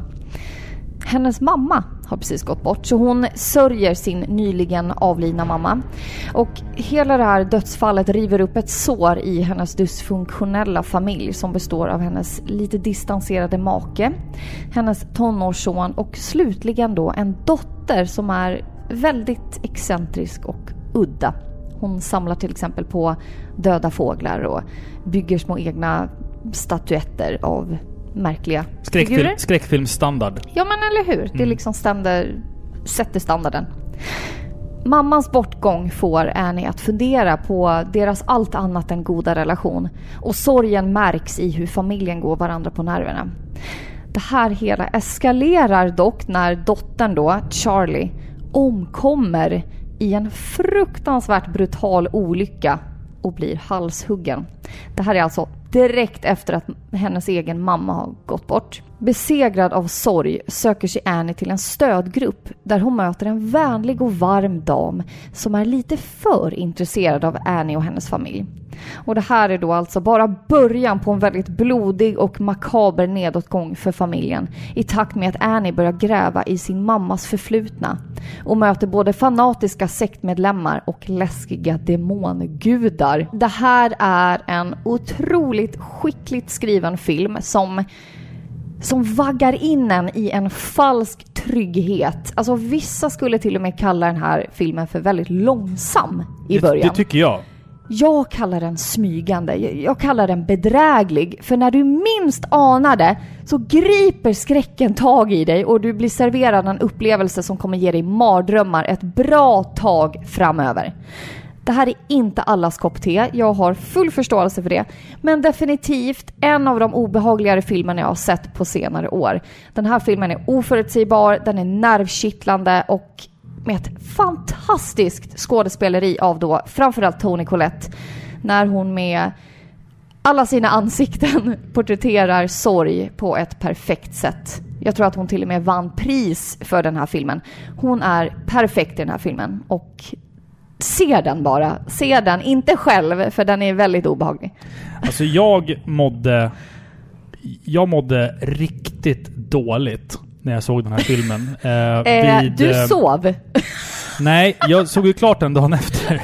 Från där jag somnade. Ja, alltså ni ska inte ha det som ett betyg för att Robin somnade. Jag somnar alltid på filmer. Du somnar alltid Ja. på filmer och jag satt och upplevde det här själv. Men jag såg faktiskt klart den dagen efter och det var vid ungefär tre tillfällen tror jag i den här filmen som var riktigt eh, obehagliga. Då. Bland annat den här eh, trafikolyckan där dottern om, omkommer. Ja, det är så oväntat. Det, alltså, det är en sån jävla hemsk ja. scen. Alltså Ja. verkligen. Alltså man mår illa. Man mår, man mår illa. illa på riktigt alltså. Och jag minns att jag, eh, alltså jag var väldigt hypad inför den här filmen. Mm. Jag visste att det skulle ha någonting, alltså jag trodde att den flickan skulle vara i center för filmen hela Det tiden. jag, det trodde jag också. Och sen då när hon dör ganska Mm. tidigt i filmen, då blev jag så, jag blev så förvånad. Men, Ja, men. Varför är hon död nu? Jaha, vad ska filmen då handla om, Mm. tänkte jag. Men den här filmen, den bryter mot alla måsten Exakt. i en film. Alltså epilog och prolog och liksom mittenkärnan. Den bryter mot alla regler, den har sina egna eh, mönster. Och det är det som är så fräscht med Ari Aster. Mm. Det här är hans första långfilm och jag tycker att han gör ett suveränt jobb i den här filmen för den har så många olika delar. Man kan inte kategorisera den här filmen så enkelt. men jag det- tror det- att folk det- har gett upp när de har sett den och tänkt att det här handlar ju bara om en hysterisk mamma som bara råkar ut för en massa saker. Men alltså bear with me. Alltså de sista 30 minuterna på den här filmen är så obehagliga. Ja, det kan jag hålla med om. För, för min smak så var den lite långsam. Eh, jag brukar kunna stå ut, men det var, den var lite långsam. Men sen, de, som du säger, de där sista 30 minuterna kände, ah, kände jag i alla fall att det var liksom värt... Det hade inte blivit samma effekt om filmen hade varit eh, som en berg och dalbana fram till dess. Utan här är liksom en lång, lång, lång, lång, lång, lång, lång, lång uppförsbacke. Och sen så kommer fallet liksom sista Ja. 30 minuterna. Och det är värt den här långa uppresan. Eh, men som sagt, vissa scener är verkligen extremt obehagliga. Eh, speciellt om man har ett öga för eh, detaljer. Och om man har ett öga för vad som inte alltid nödvändigtvis är i fokus. Om man, Ja! om man har ett periferiseende när man ser den här filmen så kan man hitta hur mycket sjuka saker som helst. Men alltså, saken är det. Vi är, van, vi är vana vid skräck som, som skrämmer dig för att det kommer snabbt. Förstår du? Chockeffekten är ju... Ja. Chockeffekter och pop-up-effekter. Jag menar, det skulle lika gärna kunna vara en badanka och du hade hoppat till lika mycket. Exakt, förstår du? Det är exakt. inte riktig skräck. Att då vittna, att bevittna det här, alltså jag blir helt exalterad när jag pratar om det. Mm. Märks det? ja, ja, ja, visst. att bevittna en scen där du ser någonting läskigt i periferin som bara är där. Mm. Ja. Som inte är en pop-up effekt och det försvinner inte Mm. utan det är där. Och du verkligen bara känner kåren liksom längst... Vad säger man? Läng, längs, längs ryggen ja. ja. Det är så skickligt gjort och jag, jag kan tänka mig att det också är starkast första gången du ser den, givetvis. Fast den här filmen tycker jag nog att man ska se två gånger. Nästan Ja. så här back to back för att se vad man har missat. Ja, för det är mycket möjligt. det är saker som avslöjas i slutet gör att saker du tidigare har sett känns mer logiska. Ja, absolut. Så då vill du se den igen för att liksom leta efter fler sådana här saker. Och du, jag lovar, när ni, i slutet av den här filmen, you will google the shit out of it. Ja, lite så. Och inte så här "Ec- ending explained. Nej, nej, nej, nej, nej. Du kommer googla någonting annat. Yes. Deep shit. Men det här med, det här med periferiskräck, eh, typ till exempel... Eh, Alltså, jag blir så rädd när jag det. remaken, eh, remaken av det. Den läskigaste scenen i den, det var ju den leende tanten i biblioteket. Ja. När, Ja, när ben, ben sitter och läser en bok om... Eh, Ja! de, Jag vet staden, exakt eh, vilken du menar. Ja. Om stadens historia. I om man, första. Om man bara ser en tant i bakgrunden som är dessutom alltså out of focus, hon är suddig. Men ändå ser man Exakt. ett stort leende som bara stirrar på honom. Det är... Det är riktigt jävla läskigt. Det är läskigaste Det är så subtil. Det är terror. Typ, ja, terror eller om man klassificerar det som. Ja, men vi har pratat om det här förut. Ja, den här exakt. skillnaden mellan det här Skräck och terror. Uppenbara faran och Mm. det här som bara gör dig illa till mods. Mm. Det är den skräcken som är den bästa liksom. Ja, det var väl typ det enda som var bra med remaken på det. Det är Ja. inga filmer vi kommer ta upp här om ni tror det. Nej, Nej. det gör vi inte. Vi pratade om vi eh, är origin... inte särskilt imponerade av de filmerna. Vi Tack pratade, väl, vi pratade väl om originalet i förra skräckfilmsavsnittet tror jag. Det var jag som pratade om den tror jag. Det är mycket möjligt. Mm. Vi är inte imponerade. Jag vill bara säga Ja. det igen, att vi tyckte inte alls om dem nu. de- del två var inte bättre än del ett Nej, alltså. Det var det var de verkligen... inte. Det var, det var stundvis uselt. Jag tycker synd om er som har tatuerat in Losers Club på armen. Är det samma människor som har carpe diem på väggen hemma? Nej, det vill jag inte säga. Nej, nej, Ja, skitsamma. men vi, vi vill i alla fall rekommendera Hereditary. Ja, men jag vill bara säga till att jag rekommenderar inte Midsommar. Den fi- filmen som Midsommar. Som är Ari Asters Nej, andra. Fan vilket jävla skit alltså. Jag- Alltså bara snabbt så kan jag bara säga att jag, den hade en sån bra potential i... Ja, alltså, herregud. jag, jag, in, jag säger inte att jag kan film så, men jag ser på väldigt, väldigt mycket film och den hade väldigt bra och hög potential de första 30-45 minuterna. Sen bara gick det ut för. Alltså snyggt foto. Och, Skitsnyggt och sådär. foto, Alltså, fär, färgerna är men- jättevackra. Den hade det som jag typ avskyr mest av allt i film. Mm. Konstig förrätt. Konstig, bara förrätt. Mm. Förstår du? Det finns inget logiskt. Allt är bara lugn och det är skit och jag hade ingen sympati Men så här, för var, varför händer det här? Och så bara, ja, för att. Nej, och man den bara, är inkonsekvent också för den säger saker som inte... Nej, nej. Nej, se inte Midsommar och Se se... inte den. Nej, skit i den. Se, se fan hellre... alltså man skrattar åt den. Se hellre remaken av Det i sånt fall. Ja, Ja. faktiskt.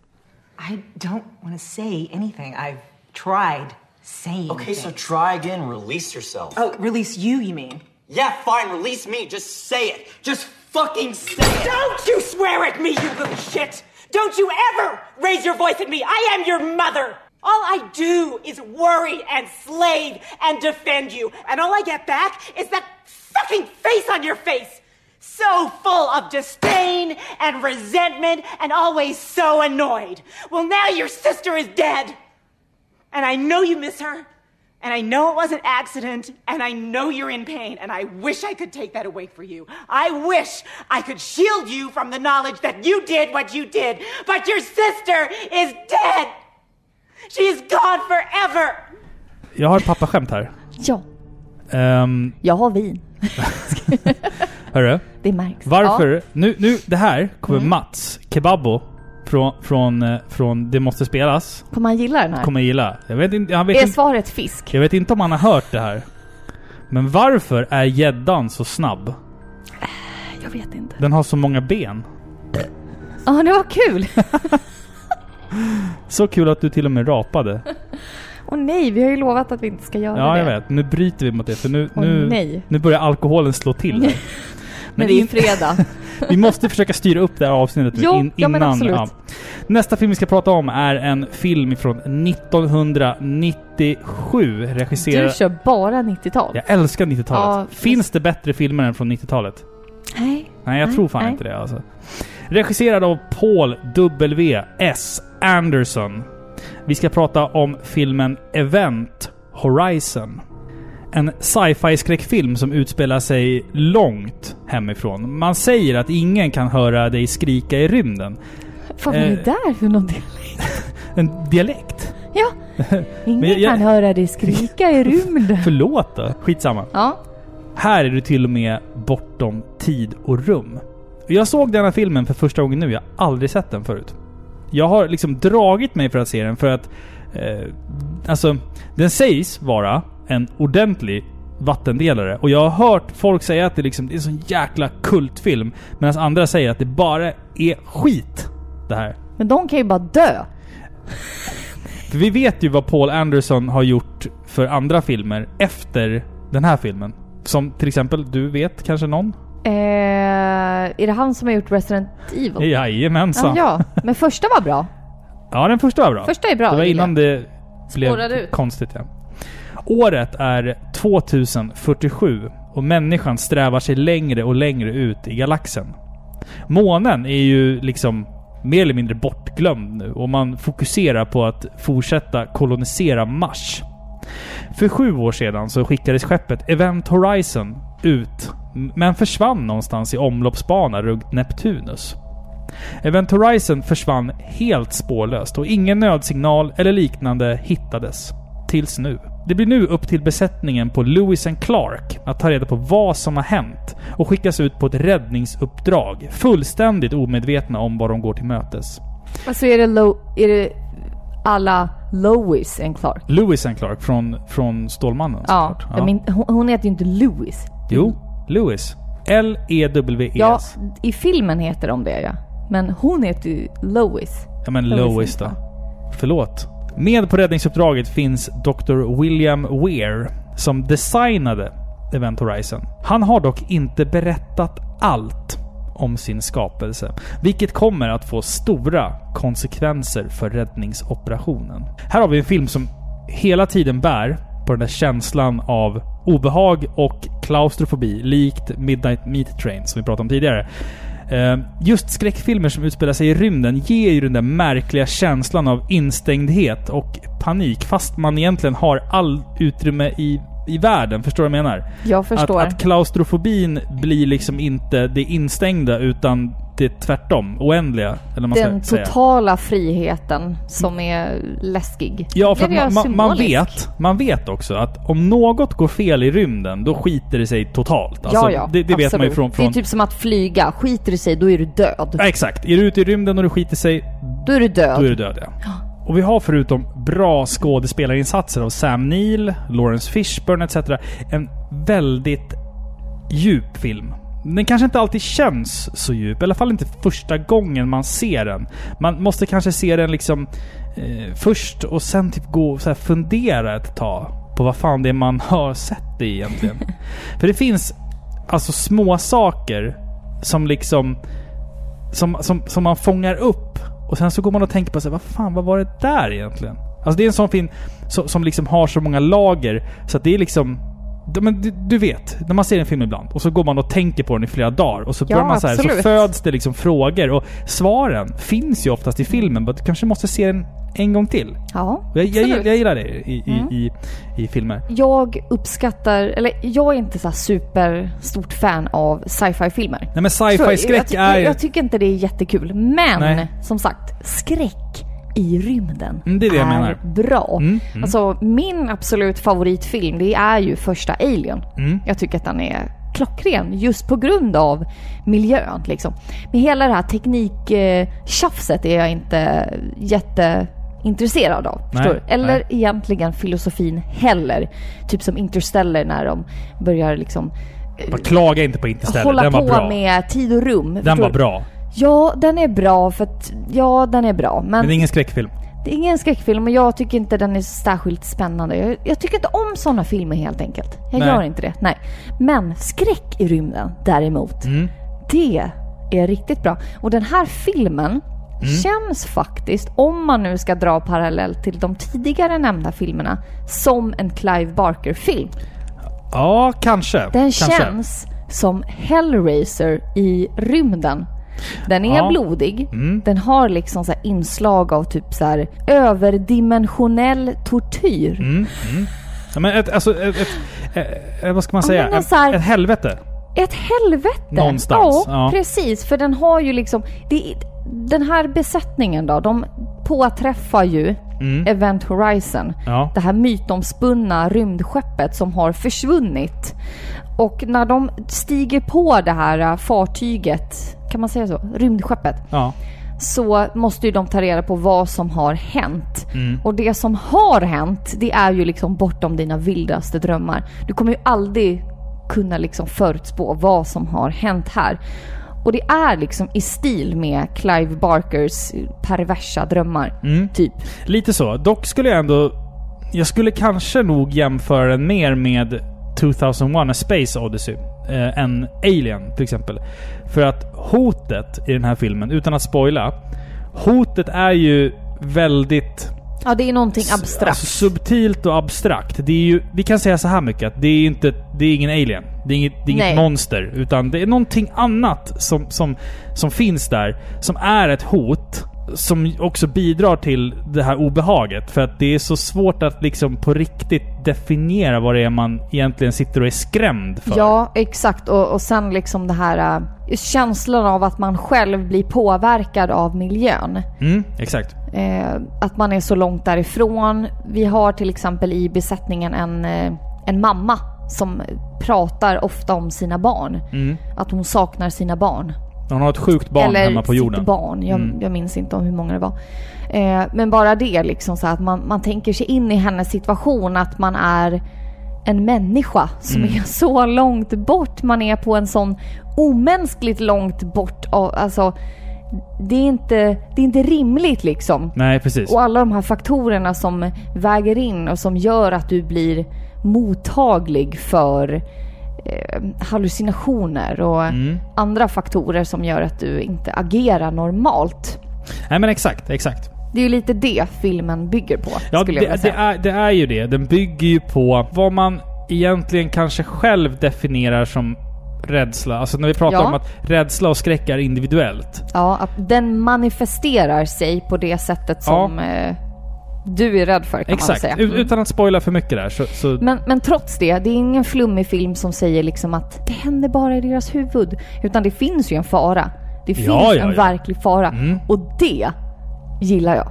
Absolut. Alltså den, det, vad vi nu än ska kalla det för, Mm. älskar jag. Och jag älskar att man inte fick liksom se det. Det är inget dåligt CGI-monster. Det, är ingen, det är inte ens praktiska effekter, förstår du? Utan det är Mm. bara vetskapen om att det är någonting, någonting övernaturligt som vi inte kan förstå. Mm. Mm. Som är med i görningen här. Och det tycker jag är så äckligt alltså. På tal om just CGI. Det är nog det enda jag måste klaga lite på i den här filmen. Att det finns CGI eh, effekter eh, som är lite väl eh, tecken, för sin tecken för sin tid. Alltså 97. Ja, det är väl Eh. det som är det enda nack- enda nackdelen med eh, 90-talet då? Ja, du som sa precis. att de hade de bästa filmerna. Jo, men alltså det, det finns så här, det, det är så mycket CGI i den här filmen som är så onödig, som man inte hade behövt ha. För det känns bara som att man gjorde det bara för att så här, här skulle man kunna ha en sån här grej. Och det ser skitcoolt ut i 3D typ. Fast man typ såhär åh det där ser verkligen dumt ut. Det där kunde de bara... Åldras alltså, dåligt. det hade, man hade kunnat skippa det där helt. Och då hade filmen liksom varit ännu, ännu vackrare än vad Ja. den är idag. För att det finns små saker. Eh, men det, det tycker inte jag att, att det är någonting som, som stjäl showen. Samma sak med att det finns några helt ineffektiva jump scares som inte bidrar till någonting. Men kan man liksom se bortom det och se bortom den här fula CGI'n så finns det ändå många effekter som är snygga. Till exempel scener där, där man liksom eh, fuskar fram eh, tyngdlöshet på ett effektivt sätt som gör att det ser jäkligt trovärdigt ut. Idag så är det ju bara liksom mocap, allting och då hänger i Ja. trådar och grejer. Medan här så man ser ändå att det är så här, det är praktiska effekter. Säkert med liksom osynliga trådar. Men det ser ut som att de faktiskt är i tyngdlöshet och det tycker jag har varit alltid det tycker jag alltid har varit väldigt svårt att få till på film så att det ser liksom trovärdigt ut. Men här Ja. Så är de effekterna jävligt, jävligt snygga Mm. faktiskt. Och så explosiv action och du vet det är så grejer som exploderar och grejer och ut i rymden och det är också svårt att få till bra på något sätt. Och det var det, Absolut. speciellt, speciellt på liksom 90-talet där så var det ännu svårare att få det att se bra ut. För då hade man liksom börjat förlita sig mer på, på CGI än praktiska effekter. Ja, och sen Typ. tänker jag just det här med tyngdlöshet och rymdfysik. Det är inte alla filmer som har rätt kunskap. Det har man ju märkt. Nej, precis. Det, det precis. är många gånger som filmer liksom drar på gränserna för vad som är realistiskt och inte. Jo men exakt. Och bilden vi har av tyngdlöshet är nog säkert felaktig. Sannolikt. För vi har inte rätt koll på det.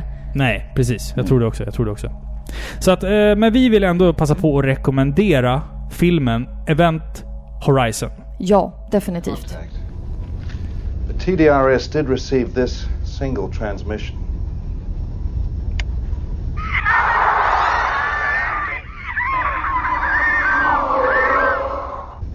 The fucking hell is that? Sounds like Liberate me something. I don't know, I can't make out the rest. Liberate me. Save me. Då är det dags för eh, min sista film Mm. som jag vill rekommendera. Och eh, ja, det här är, det här är bästa av dem. Skulle Okej, jag vilja säga. ja. Ja. det här är en rikt, riktigt bra film. En klassiker va?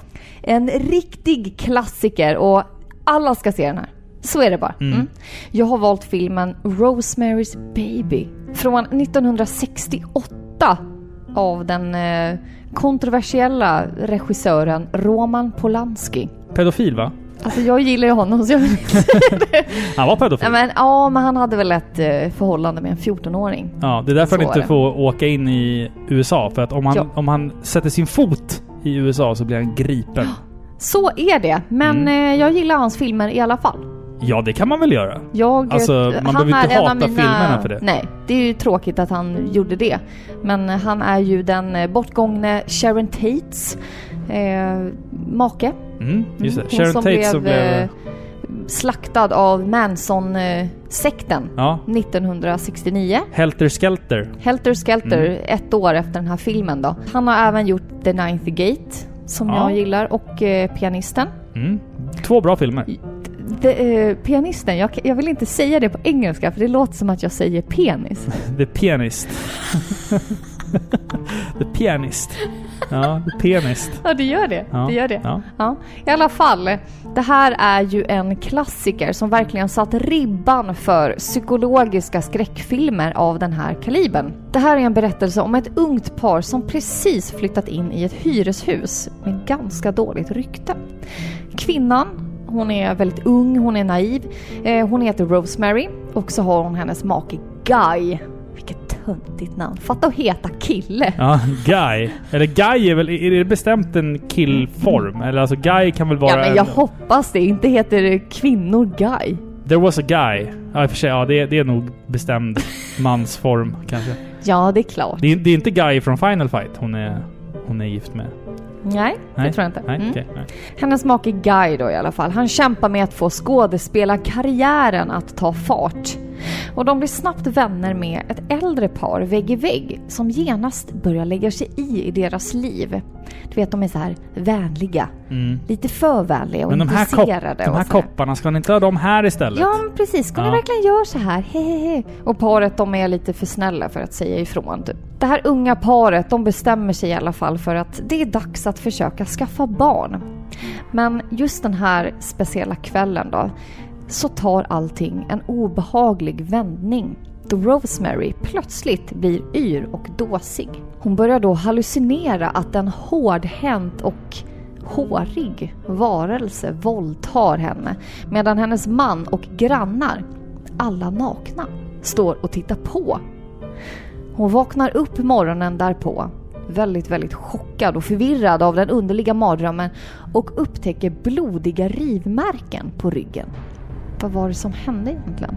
Hennes man förklarar att ja, han var nog lite för hårdhänt under nattens äventyr. Men Rosemary blir genast illa till mods. Hon känner direkt att det är någonting som inte stämmer och hennes make talar inte sanning. Men en tid går och hon får reda på att hon faktiskt väntar barn. En nyhet som får hennes excentriska grannar att lägga sig i deras liv än mer. De ger henne bland annat en lyckoamulett med en väldigt frän doft och pushar henne till att välja bort den allmänna läkaren för en annan läkare, en vän till det här gamla paret. Men efter ett par månader av väldigt dåligt mående, eh, hon börjar tappa vikt och hon är ständigt yr, så anar hennes gamle vän onåd och börjar gräva i saken. Han upptäcker att huset en gång huserar en satanisk sekt och skickar en bok om det okulta till Rosemary. Men innan hon hinner besöka honom hinner han dock råka ut för en olycka som försätter honom i koma. Helt ensam börjar en känsla av att något inte stämmer etsa sig fast i Rosemarys sinne. Men all, allt eftersom hon blir mer misstänksam mot de vänliga grannarna och hennes avlägsna make blir hon allt mer sjuk och beroende av dem i hennes närhet. Maktlös och omyndigförklarad kan hon endast se på när dessa märkliga och obehagliga människorna bestämmer över hennes ofödda barn. Klassiker. Klassiker. Alltså, så sjukt jävla obehaglig film. Ja. På så många sätt alltså. På så många sätt. Den har så många lager, Mm. den här filmen. Men det jag tänker framförallt på är att den här sätter verkligen fingret på den oro och den ängslan man känner som gravid. Ja, det kan, Speciellt det kan jag med sitt mig. första barn. Mm. För det är alltid liksom otydligt. Vad är det som händer på riktigt? Är det här bara i hennes huvud? Mm. Eller är det liksom på riktigt? Är hon paranoid? Eller är det en satanisk sekt? Förstår Exakt, du? exakt. Men just den här känslan att man inte blir bekräftad som gravid. Eh, det är ingen som lyssnar på det. Alltså det är en fruktansvärd mardröm och nu blir jag så politisk, men Ja. det är så här ett övergrepp mot alla kvinnor. Nu du! Ja. Ah, fanan i handen. Kvinnokamp. Ja, jag tycker det. Men Mm. alltså, för att även om filmen har en mer mörk vridning, för Mm. den är ju väldigt mörk den här filmen, Väldigt. så kan man verkligen känna igen sig i de här bortförklaringarna som Rosemary får, får stå ut med. Att folk betraktar den som allmän egendom så fort man är gravid. Alla har en åsikt, alla lägger sig i. Alla vet bättre om ditt barn än du själv. Alla ska klappa på magen. Så här är det. Och det är så skickligt skrivet av Polanski. Förstår mm. du? Mm, absolut. Och jag, jag gillar att det är svartvitt, det är fantastiska miljöer, det är bra skådespelare. Vi har Mia, Mia Farrow som gör ett utom exemplariskt jobb, Mm. säger man. Och sen har den då ett väldigt märkligt slut. Men eh, ja, filmen är en sån här obehaglig och ryslig upplevelse från början till slut. En riktig klassiker. Det, det man sitter och funderar på i den här filmen när man ser den, det är vem är det som är galen? Vem Alltså, är det som är galen? Är det grannarna som är galna? Eller är det hon? Eller är det Rosemary som är galen? Men det är ju så, och det är därför man mår så dåligt. Och jag, jag gillar, jag uppskattar verkligen sådana filmer. För Mm. att hon är ju lite galen också. Ja, precis, Jag menar, hon är, hon är gravid. Mm. Bara det? Bara det. Nej Galenskap? men alltså det är ju en upplevelse som, som sätter igång det mesta i kroppen liksom. Mm. Och Är det bara hennes hormoner som, som det är bara spökar? hennes hormoner liksom? eller är det faktiskt någonting som händer? Och det gör Mm. att man, man tycker så synd om henne för att de utnyttjar ju henne. Mm. Och Mm. ja, men det är så tråkigt för att hon, de utge, utnyttjar ju henne på grund av att hon är gravid liksom. Och det, Hon är Ja. ju egentligen utsatt som, som, som hon är, eller vad man ska säga. ja, precis. Faktiskt. Och, nej, den är, den är fruktansvärd den här Mm. filmen alltså. Alltså slutet, sl, slutet är ju alltså ruskigt obehagligt. Om man tänker på alltså, hur gammal den här filmen är. Ja. Så finns det många element i den som, som eh, verkligen är läskiga. Ja. Utan att det behöver liksom hoppa upp ett monster eh, och, sk- och skrämma dig som en, som en någon pop-up effekt. Utan, Precis. Den här filmen är tidlös. Ja. För du kommer aldrig att få se någonting som... Du får aldrig se en dålig CGI-effekt. nej, exakt. Du exakt. får aldrig se någonting som bara poppar upp från Nej. ingenstans. Utan det här är bara vetskapen Mm. som gör dig illa till mods. Ja. Och den är så fruktansvärt bra skriven. Ja, precis. Och jag, det som jag gillar i den här filmen, det är de mänskliga aspekten när det kommer till typ så här dialoger och sånt. Att det känns som ett, liksom ett verkligt drama, eller man ska säga. Ja, absolut. Att hon är gravid och du vet, det händer mycket saker i kroppen. Jag har ju varit, inte gravid, men jag har ju varit med dig när du har varit gravid två gånger. Och eh, jag vet ju ibland Mansplaining. hur, hur man, ja precis. Ja, men hur, jag vet ju ibland hur, hur i alla fall jag uppfattar höggravida kvinnor. Alltså...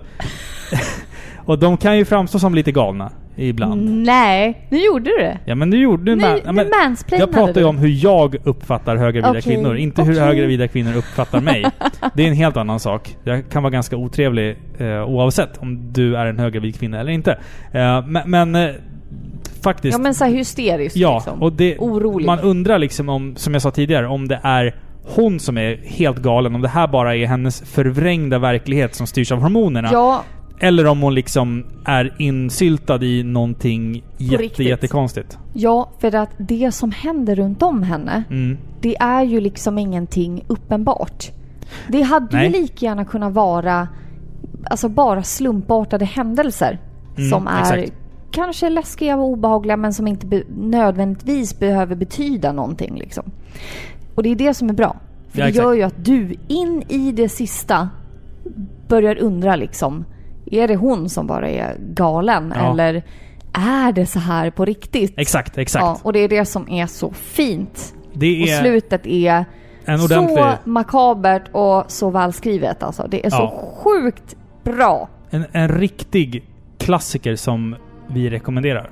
Och då ska jag bara inflika en annan bra klassiker av Roman Polanski. Jag vet att Jaha. vi inte får ha det här, men det här, den här ska ni se. Fearless eh, Vampire Killers. Om man gillar vampyrer och sånt. Och snö. Alltså den här är så bra. Den är typ från 1967 och man får typ se Sharon Tates tuttar också. Och hon har en röd peruk och hon är skitsexig. Mm. Se den! Ja, Ja, okej. Jag Ja. antar att jag inte har något val nu. nej, den är skit. Har inte du sett den? Jo, vi har sett den. Du och jag har sett den. Ja, det hoppas jag. Ja. Annars kan du sova på soffan ikväll. jag skojar. Later, the Keith Kennedy business began, and by the 20s, the house was half empty. I, I knew about Keith Kennedy. I didn't know that Marcado lived there. And those sisters. World War II filled the house up again. Terrific. The house? The lamb. Oh. They called it Black Bramford. But hush. Awful things happen in every apartment house. Now, this house has a high incidence of unpleasant happenings. In 59, a dead infant was found, wrapped in newspaper in the basement. Mmm, you really roused my appetite. Have some more wine. Vilken är den vanligaste sjukdomen bland elektriker? Nu säger jag. Okej. Vattkoppor. Ah. Ja, den var bra. Innan vi, in, innan vi pratar om den sista filmen ikväll så har jag en till fråga. Den sista frågan för ikväll. Vilken är världens långsammaste insekt? Bromsen. Den var bra. Den var bra faktiskt. Ribban för bra skämt i den här podden Det är väldigt låg. faller bara mer och mer känner jag för varje avsnitt som vi spelar in. Ja, typ. Den sista filmen vi ska prata om ikväll är också en klassiker. Eh, kanske lite mer kommersiell klassiker än eh, Rosemary's Baby, som vi pratade om tidigare här. Den här filmen är regisserad av Tobe Hooper från 1982. Heter han Hooper? Är det H-O-P-E-R? H-O-O. Hooper. Hooper. Okej. Tobe Hooper. Kul Ja, jag, namn. jag tycker också det var riktigt. Det var därför jag inte ville läsa upp det. Jag tänkte att det kan, det kan, han kan inte heta Hooper. Du bara, jag ändrar hans namn. jag, jag Tom mig- Andersson. Jag tar mig friheter. Den här filmen är regisserad av Pugh Rogefeldt. Nej. Det är i alla fall 1982s Poltergeist. Ooh. Där vi har Steven Spielberg på screenplay, sägs det. Vi kommer komma in på Spielbergs roll i den här filmen lite mer snart. Ska du prata så här hela recensionen? Det kanske ligger någonting i det där. Vi, vi, vi får se. Som sagt, en riktig mysskräckis. Vi befinner oss i ett pittoreskt bostadsområde i Cuesta Verde. Jag vet inte fan vad man uttalar det där. I Kalifornien i början på 80-talet. Familjen Freeling är som vilken annan lycklig, normal familj som helst på gatan. Pappa Steve är dessutom en av delstatens mest framgångsrika mäklare. Filmen inleds en lördagkväll då pappa Steve somnat framför TVn efter några öl och resten av familjen sover i sina sängar. Det är efter midnatt och TVn står fortfarande på. Efter nationalsången har spelats inleds ett sändningsuppehåll. TVns brus väcker familjens lilla syster Carol Ann, som då smyger ur sin säng och sätter sig framför TVn. Hon för en ensidig monolog riktad mot TVn, som om hon talar med någon på andra sidan de statiska vågorna och bruset i rutan. Efter många spöklika och märkliga händelser som till slut toppas av, ett, av en storslagen orkan försvinner Carol Ann. Familjen märker dock snart att den lilla flickan fortfarande finns kvar i huset, fast på ett annat fysiskt plan. Jag har alltid gillat den här filmen och jag tycker att den är svår att kategorisera. Det finns så många olika sätt att se på den. För jag vet att många ser det här som en komedi eller liksom en mysskräckis som Men jag sa. komedi är det väl inte? ah, men jag har hört alla Men ska man kategorisera den som en komedi bara för att den är lite för barn? Ja, men alltså så här, den, den har ju lite komiska effekter också. Vi kommer komma in på det. För trots allt det här så tycker jag att den, den har väldigt många så här extremt obehagliga ögonblick.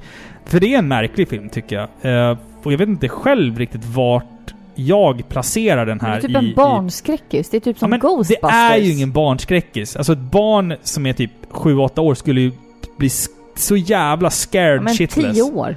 Det är också för litet alltså. Det finns, det finns scener i den här filmen som är till för femåringar och det finns scener som är garanterat 15 plus på. Alltså jag tänker mig att den här är tänkt som en barnskräckis. Ja, men den Förstår blev för In- läskig. inte barn som i Kasper. Nej, Förstår du? nej, Där nej, har vi en nej, riktig barnskräckis Nej, ja, liksom. precis. Men, Men, jag tänker mig det att det ska vara... Men alltså det här med barn och övernaturliga saker. Mm. Det går sällan bra ihop. Förutom typ i Kasper om man gör det på det sättet. Men att ha en riktig saga om ett hemsökt hus Mm. och få det till barn. Det är, det är jobbigt. Alltså, och jag det- tror ja. att du upplever det som obehagligt. Mm. Trots att den är lite glad och det är Spielberg-anda och ja, bla, bla, musiken, bla. musiken och stämningen är ju såhär Spielberg och sen Ja, så kastar de någonting... jättemysig och gullig och så här 80-tals pastellig och fin. Ja, precis. Och sen liksom. kastar de någonting i nyllet på en som man inte Ja. är beredd på. Man bara what? Exakt, och jag tror att du upplever det som läskigt för att det är barn med. Kanske, kanske. Det är en liten flicka. Hon För om, man, ju- om man bara skalar bort allt det där. Ja. Skala av lagren. Mm. Det är en liten flicka som är bortförd Ja. av andar Ja, exakt. i sitt eget hus. Fullt med liksom läskiga monster Mm. som vill henne illa. Jag menar det. Det är obehagligt. Det är ju det. Det är väldigt jag, jag, obehagligt. Alltså jag tänker liksom, för mig så, som jag sa, så finns det liksom specifika scener som är läskiga för... Alltså det känns som att vissa scener är gjorda för att en femåring ska tycka att det är läskigt.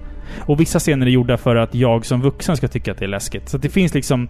Ja, men det kan också vara... Alltså tänk på eh, brorsan i familjen. Ja. Han får ju det värst.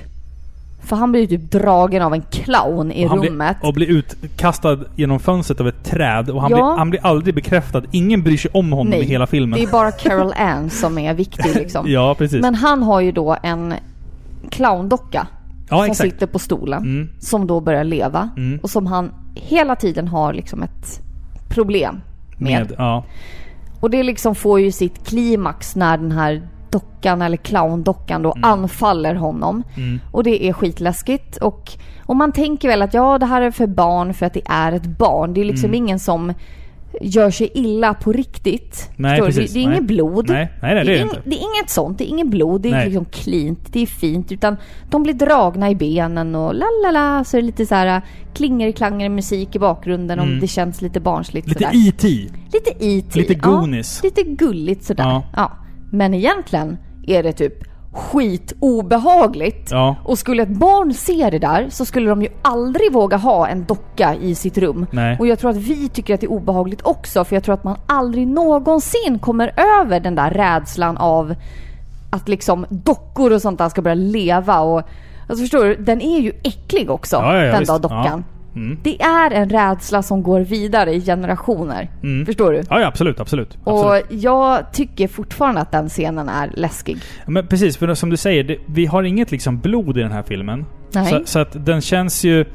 ehm, Den är barnvänlig ur den ja, men, synvinkeln. den, den känns hela tiden ofarlig, filmen. Alltså, men samtidigt så känner du dig hotad och den är obehaglig hela tiden.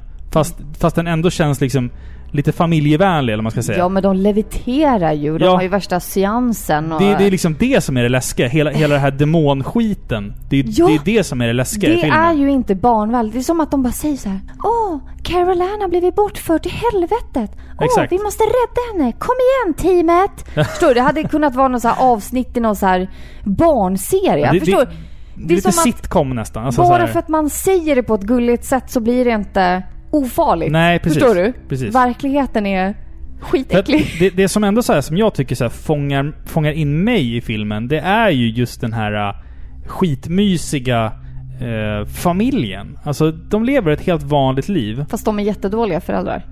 Ja, de sitter typ och röker hasch när barnen har gått och lagt sig i sovrummet. Det är jättekonstigt. Men, men de, de gör det i alla fall. Gjorde man Eh, så då? Kanske? Jag vet inte. De ligger liksom i sängen och röker en feting och hostar typ. Och pappan ligger och försöker läsa en bok och så kommer ungen in i rummet för att han har vaknat i sömnen. Man bara... Vad är, vad är ni What's going on? Ja, konstigt alltså. De förtjänar inte de där barnen. Nej, men för barnen är ju supercharmiga på, på liksom många olika sätt. Och framför allt då den lilla flickan Carol Ann. Hon, det finns ju ingen sötare flicka i en skräckfilm eh, någonsin alltså. Eh, rent visuellt så har den här många scener som imponerar på mig. Till exempel då när liksom ett helt rum sugs in i en garderob. Alltså om vi tänker att prylarna, alla, alla leksaker i det här flick eller barnrummet är det ju, sugs in och liksom det är inte dataanimerat. Vissa saker ser man ju att det är så här. okej det här, här har de typ använt eh, en sån här blue screen, eller green screen, jag vet inte vad man hade då. För att göra de här eh, vinylskivan som snurrar och grejer. Men vissa så här praktiska effekter är alltså skitimponerande. Speciellt den här scenen framåt slutet, utan spoiler. Det är en av karaktärerna som liksom fastnar i ett rum. Och helt plötsligt så börjar hon typ börja rulla upp för väggen och rullar upp i taket och slår kullerbyttor upp i taket. Det är sjukt snyggt gjort. Man har alltså byggt ett helt jävla rum och sen snurrat det. Och det, ja, det är så här. Jävlar vilken effort. Ja, verkligen. Ehm, Ambitiöst. det, det är bara en av många scener som jag tycker är så skickligt filmade. Som den här scenen när ehm, mamman fixar ordning bordet och stolarna, ställer ordning allting. Sen så vinklas kameran bort i fem sekunder och sen tillbaka igen. Utan klipp. Som vi ser i alla fall. Sen står stolarna liksom uppställda på bordet. Och jag undrar så här, hur fan har de gjort det där? Det, det där är liksom filmmagi. Det där är äckligt. Det är äckligt. Hur Det man, är äckligt. Antingen så är det korsklippt, alltså att man har liksom klippt skickligt. Eller så har man haft liksom Som jättesnabba. fyra killar som har sprungit in skitsnabbt och ställt upp stolarna på bordet. Det, det vet vi inte. Men och sen har vi den här liksom portalen till den andra dimensionen som öppnas och liksom... Det är så mycket Och den skit. lilla excentriska kvinnan som står och skriker. Ja, hon seansdamen där ja. Ja, hon är väldigt och, märklig. Och kameramannen som kliar sönder sitt ansikte i badrummet. Det är också så här extremt obehaglig det scen. här som- är som- inte för barn. Nej men jag säger det. Även fast man kanske lockas in i början med den här Spielberg-känslan av det här kanske blir lite som E.T. fast lite mysskräckigt sådär. Sen har vi en kille som står och kliar sönder sitt eget ansikte så att det lossnar liksom köttstycken. Det är inte Visa för inte barn. den här för era barn. Nej, nej, nej. Jag tycker inte det. Och det finns ju faktiskt också ett väldigt känt rykte som säger att det faktiskt var Spielberg själv som regisserade den här filmen och att Tobe Hooper inte var speciellt involverad. Eh, det finns en jättebra artikel, jag orkar liksom inte ta upp det här för det, det är så lång, eh, lång liksom rabbit hole ner eh, Ja. om man ska läsa på. Så det, det finns en jättebra artikel på bloodydisgusting.com där man liksom mer eller mindre har bekräftat att Spielberg regisserade hela skiten. Mer, alltså, Det utan hade att... kunnat vara så. Ja, det, det finns ganska mycket bevis för det. Men den här filmen är ju väldigt kontroversiell på andra sätt också. Mm. Just för att den är en skräckis också. Mm. Men eh, folk säger ju att den är hemsökt. The Poltergeist Curse. Ja, Mm. alltså hon som spelar eh, stora systern i den här filmen blev ju faktiskt brutalt mördad av Mm. sin eh, pojkvän. Dom, efter. Dominic June hette hon. Ja. Eh, och eh, under inspelningen av filmen V, The Final Battle. V. Eh, eller Vi, The Final Battle. Så hade hon en eh, svartsjuk pojkvän som en dag efter eh, de håller på att repa tror jag det var till någon scen där. Hon och en skådespelare till. Eh, Och efter att hon hade repeterat klart då så dök den här ex-pojkvännen upp och eh, Högg ihjäl henne. ströp henne. Ströp henne, Till, så var det. till Mm. döds. Så och eh, samma Och- sak med lilla gulliga flickan Carol Ann. Ja. Spelad av Heather O'Rourke. Eh, hon var ju även med i Poltergeist 2 och 3. Eh, hon led ju av en sjukdom som heter Crohns sjukdom. Som är någon form av mag och tarmsjukdom. Eh, som till slut då tog hennes liv när hon bara var blott 12 år Fy gammal. vad hemskt. Man ser det i eh, Poltergeist 3 att Ja, hon är så här svullen. Ja. Jag Hon, vet inte om det eh, var något så insulin man tog eller Nej, att- hon har eh, kortison. Kortison till och med. Får ja. man. Det svullnar man av Ja. i för stora... Otroligt Doser. charmig liten flicka. Ja, det är så eh, som på sina 12 år i livet han spela in rätt mycket bra Alltså, filmer jag, jag tycker att det är fult att säga att det finns en förbannelse kring sådana här filmer. Ja, man, att man ta- förminskar de här människornas liv. Mm. Hon dog inte för att hon var förbannad av någon töntig låtsas spökhistoria. Hon dog för att hon led av en sjukdom. Mm. Jag tycker att det är att förminska människorna när man ska förknippa dem. Mm. Jag kan tänka mig att de anhöriga och de här stackars flickornas föräldrar inte vill att deras döttrar för alltid ska bli förknippade med just de här filmerna och liksom att det är en förbannelse. Nej, Förstår du? precis. Det är lite att ta värdigheten från deras, eh, från deras död. Men vi är väl i alla fall överens om att filmen The Poltergeist ändå någonstans är en genuint bra klassiker. Ja, någonstans. Alltså ja, den är jättebra. Ja. Även om den har det här Steven Spielberg-skimret så är det ju en jävligt så här märkligt obehaglig film. Ja, alltså jag, jag tycker den är värd att se. Mm. Jag tycker inte att det är... Det är inte min favoritbarnfilm. för Nej, inte jag, min heller. Jag, barnfilm? Skräckfilm. det var precis det vi kom fram till att det inte var. Eller hur? Nej men jag, jag såg inte den här som liten. Det gjorde men, jag. Eh, ja, precis. Mm. Så du är färgad av det. Givetvis. Eh, men den här scenen när hon sitter med, hän- med handflatorna mot den här brusiga tv-skärmen. Den, Mm. Alla vet vad det är. liksom. Ikonisk scen. Den är, är ikonisk och så fort barn är involverade Mm. så ja, men det blir obehagligt. Jag tänker att vi vuxna som har barn själva det blir obehagligt ur den Ja, synvinkeln precis. också. Det är som Reagan i The Exorcist. Alltså det är samma effekt just det här med, med barn och... Eller hur? Och alltså jag brukar tänka så här. Jag, jag vet ju till exempel att den här uh, otroligt bra filmen Stanley Kubricks uh, The Shining. Mm. Jag vet ju att pojken där Mm. som spelade... Ja, nu minns jag inte Vad fan han hette heter. han? Ungen? Inte Charlie, inte. Eddie. Skitsamma. Ja. Skitsamma. Pojken. Pojken. Med trehjulingen. Han fick ju inte se filmen Nej, själv precis. såklart. Han, han vet ju inte vad han tittar på när han ser sådär rädd ut. Nej. Eh, och när han får se de här tvillingsystrarna som Mm. är så slaktade i korridoren. Ja. Han vet ju inte det. Nej. De sa ju bara åt honom att se rädd ut Ja, nu liksom. exakt. Och det är ju för att skydda barn. Mm. Och det är helt rätt. Mm. Och jag har sett intervjuer med honom när han är liten och han säger att han, jag vet inte vad jag har spelat in för någonting liksom. Skitgulligt. Eh, och det är bara bra liksom. Ja, jo det är klart. Men jag undrar ju i sådana här filmer där de är liksom uppenbart utsatta för någonting. Mm. Eh, när de leviterar eller det är någonting som drar dem i benen. Mm. Jag kan inte hjälpa att må dåligt för dem då. Nej, precis. Exakt. För jag tycker liksom att det här är, det här är väldigt läskigt för de här barnen. De lär ju få mardrömmar av det här. Typ. Eller tvärtom, att de vet att, det att allting de ser på TV bara är på låtsas. Och sen att, liksom att det blir som en... en eh, Ja, jag vet inte. Alltså, jag tror inte att det hjälper. Nej. Jag, jag tror att de, att de drömmer av det. För, de, alltså för att få den här känslan så säger ju regissören åt dem att de ska tänka på någonting läskigt. Mm, mm. Och de kanske tänker på att någon rövar bort dem från sin mamma eller pappa. Alltså, det är fortfarande saker som är äggande för barn. Och de, nej, jag, vet, jag tycker det är lite obehagligt. Och jag tänker att det är det som gör... Alltså för barnskådisar kan ju verkligen stjälpa eller hjälpa. Eh, alltså bra barnskådisar verkligen ger den här äkthetskänslan åt filmer. Bättre Ja, det har du än rätt vuxna. i. Det har du rätt i faktiskt. Och jag tror att det är därför man tycker att den här filmen är obehaglig. För att barnskådisarna är så bra.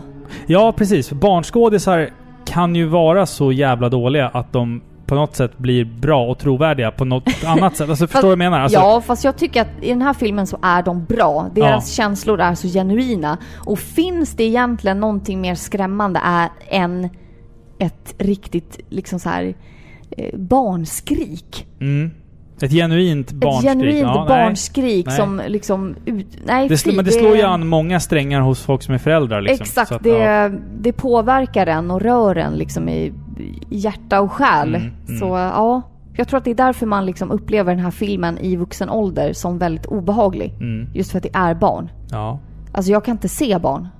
Nej, det... det Utan att börja grina. jag kan inte se barn generellt. Jag, hat, jag avskyr att Jag se på barn. avskyr barn alltså. How long have you been investigating haunted houses? The determination as to whether your home is haunted is, is not very easy. I, what I meant to say was it might very well be a poltergeist intrusion instead of a classic haunting. There's a difference. Poltergeist are usually associated with an individual. Hauntings seem to be connected with an area. A house, usually. Poltergeist disturbances are of fairly short duration, perhaps a couple of months. Hauntings can go on for years. Are you telling me that all of this could just suddenly end at any time? Unless it's a haunting. But hauntings don't usually revolve around living people. Then we don't have much time, Dr. Lush, because my daughter is alive somewhere inside this house. Poltergeist är från 1982 i alla fall. Och eh, det var den sista filmen vi hade att prata om faktiskt. Ja, jag har faktiskt honorable mentions. Okej, säg några honorable mentions. Okej. Snabbt. Nummer ett. Ja. The Others med Nicole Kidman. Bra film. Bra film. Ja. Nummer två. The Descent. Ah. Jo. Ah. Jo. Jo. Ah. Jo. Okej. Bra Mm. film. Okej. Nummer tre. The Babadook. Ja, bra film. bra Mycket bra film. film. Ja, tycker mycket bra Ja, film. Ja. klar. Australiensisk. Ja. Ja, märkligt. Och, men och en vattendelare. mycket stor vattendelare. Kanske den största Mycket vattendelaren sen Event. Horizon. Men det var det vi hade att bjuda Eller på. Death Stranding som också visar sig vara en vattendelare. Mer om det i nästa avsnitt.